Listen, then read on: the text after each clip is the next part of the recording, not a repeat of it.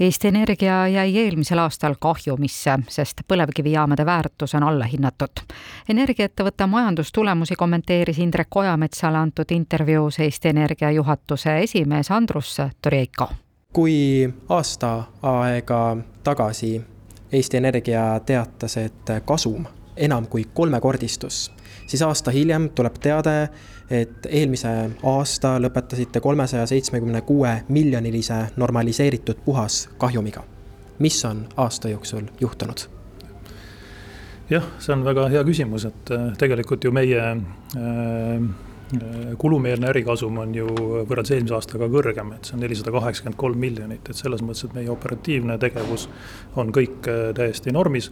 see, mis on muutunud, on äh, peale energiakriisi, energiahinnad on äh, väga drastilises languses ja meie nii-öelda puhaskasumi mõju tuleb varade raamatupidamislikust allahindlusest, et oleme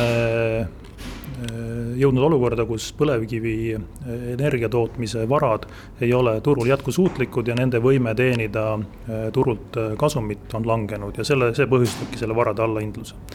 Jooksvalt me oleme äritegevuses väga headel tulemustel, aga allahindlus nende investeeringute osas viis meid puhaskahjumisse see varade allahindlus, no tavainimese seisukohast tundub see olevat üpris kummaline, et mismoodi, kui me võtame kasvõi kinnisvara näiteks, mingid korterid, no hinnad ju tõusevad. et kuidas siis näiteks, ma ei tea, Auvere elektrijaam on järsku odavam? Jah, füüsilise varana tal kindlasti on väärtus, aga tema, me hindasime Auvere investeeringuvõimet äh, teenida tagasi investeeritud raha, et see on see, mis peegeldab seda turu Äh, mittekõlbulikkust ja nende varade võime teenida turult raha, elektriturult täna, et see on see, milles see peegeldub. Auvere elektrijaam on endiselt töökorras, me tegeleme sellega, et teda võimalikult palju turule viia, aga perspektiiv on madal ja suurte äh, nii-öelda suure kasumi äh, teenimine Auverega, et tagasi toota see investeering, seda näitab see allahindlus nende varade osas räägime põlevkivijaamadest, et ja. see on üks osa, mis siis noh viis Eesti Energia kahjumisse, et rääkige sellest lähemalt, et äh, mis nende põlevkivijaamadega toimub, et nad äh, on kahjumisse viinud ettevõtte? jah, meil on äh, brutomahus üle tuhande kolmesaja kaheksakümne megavati täna põlevkivijaamu erinevas vanuses. põlevkivijaamad on täna panustanud väga selgelt Eesti varustuskindlusesse täna need jaamad äh, suurema osa aastast seisavad, eriti vanemad äh, plokid, mis on siis tolmuulatusplokid ja ka keevkihiplokid, millel ei ole biomassi võimekust. Nende jaamade turule pääs täna puudub, me ei suuda neid äh, turule, seda energiat oma hinna tõttu maha müüa ja selle tõttu see perspektiiv hinnatuna tuleviku hindade vastu tingis selle varade mahakandmise, mahahindamise raamatupidamislikult meil on nende varadega kõik korras, endiselt äh, varustuskindlus Eestis on tagatud. me käitame neid äh, sellel hetkel, kui energiasüsteemis on puudujääk, nii et selles osas ei ole muutust. ja omaniku ootus, mida riik on pannud Eesti Energiale kui ettevõttena, on endiselt täidetud, aga kui me hindame varasid ja nende võimet genere-, toota kasumlikku rahavoogu tulevikus, seda enam ei ole, nii et need varad ei tooda kasumit ettevõttele kuivõrd palju oli näiteks eelmisel aastal neid päevi, kui selle lambi pani tööle see elekter, mis on toodetud põlevkivijaamast? me tootsime eh, mittetaastuvat energiat siis eh, ligi kaks gigavatt-tundi nii et see Eesti tarbimisest moodustab äh, circa ühe neljandiku, äh, see kõik ei jäänud siia Eesti turule äh, ka mitte, nii et selles osas, et alla siis kahekümne viie protsendi sellest energiast tootis Eesti Energia põlevkivijaamadega, nii et see, see osa järjest kahaneb ja see muutub veel väiksemaks. kauaks neid põlevkivijaamu on?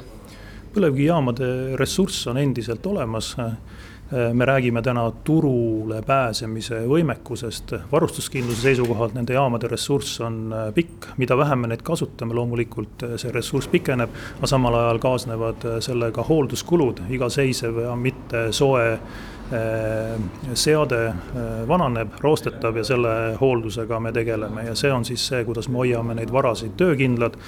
igal võimalusel, kus me saame, me püüame nende varadega turule minna, aga see aeg muutub väga väheseks, eriti vanematel plokkidel räägime taastuvenergiast ka, et kui suure osa investeeringutest moodustab Eesti Energial taastuvenergiaga seonduv?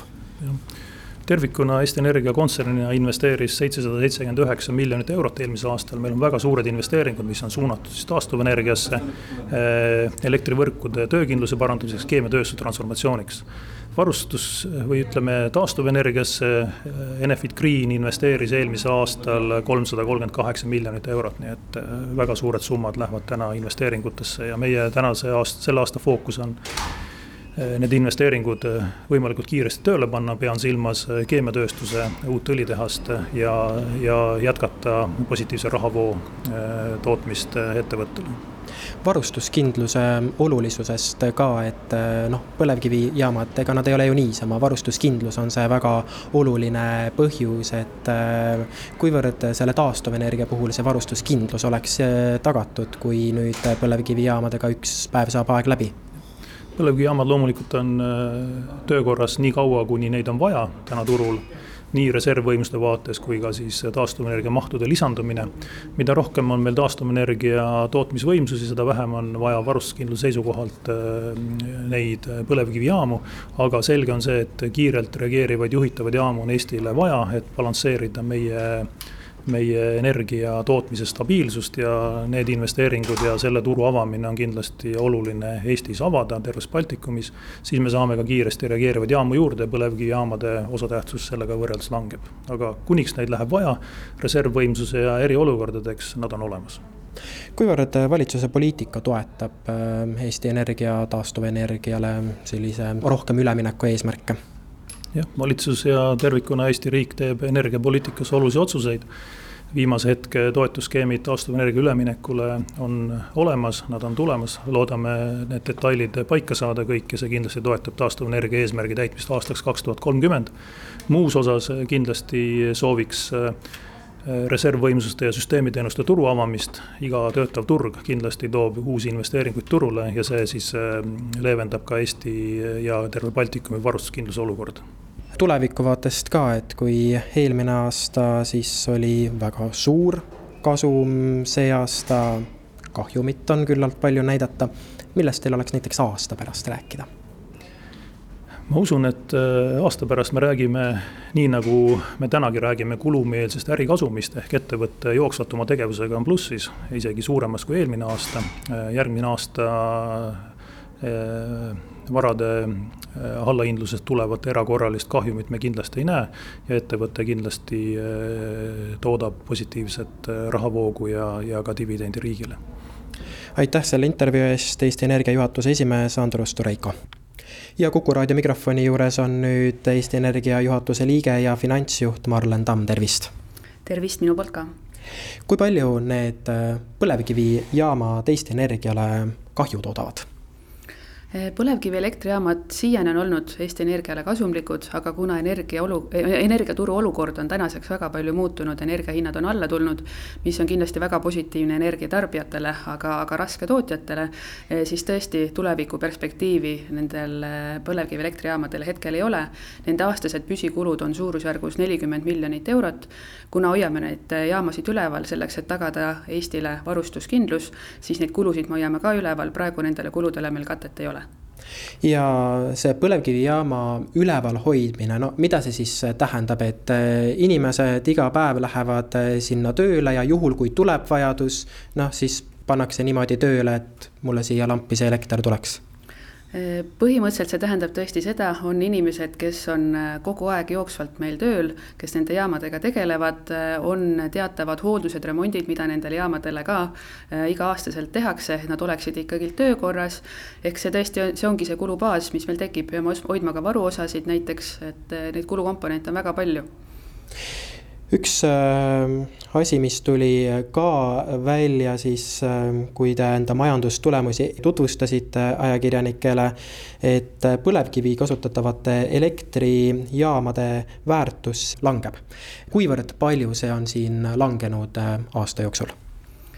Põlevkivielektrijaamade väärtust me hindasime alla kuussada kakskümmend kaheksa miljonit eurot, see on äh, tõesti suur summa ja see peegeldab siis nende äh, põlevkivielektrijaamade tuleviku raha teenimise võimekust.